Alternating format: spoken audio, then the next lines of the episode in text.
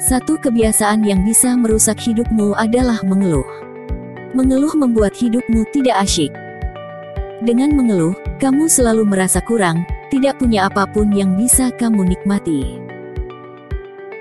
Jika kamu selalu mengeluh dan mengaku tidak bahagia, tanyakan apakah kamu mau bertukar hidup dengan hidup orang lain yang jauh lebih parah dari kamu.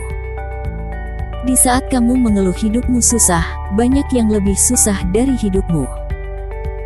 Di saat kamu mengeluh rutinitasmu membosankan, banyak yang lebih stres darimu. Di saat kamu mengeluh hidupmu tidak berarti, banyak orang yang hidupnya lebih mengenaskan. Memang ada banyak hal yang bisa kamu keluhkan dari hidupmu, tapi ada banyak hal yang bisa kamu syukuri dan nikmati saat ini.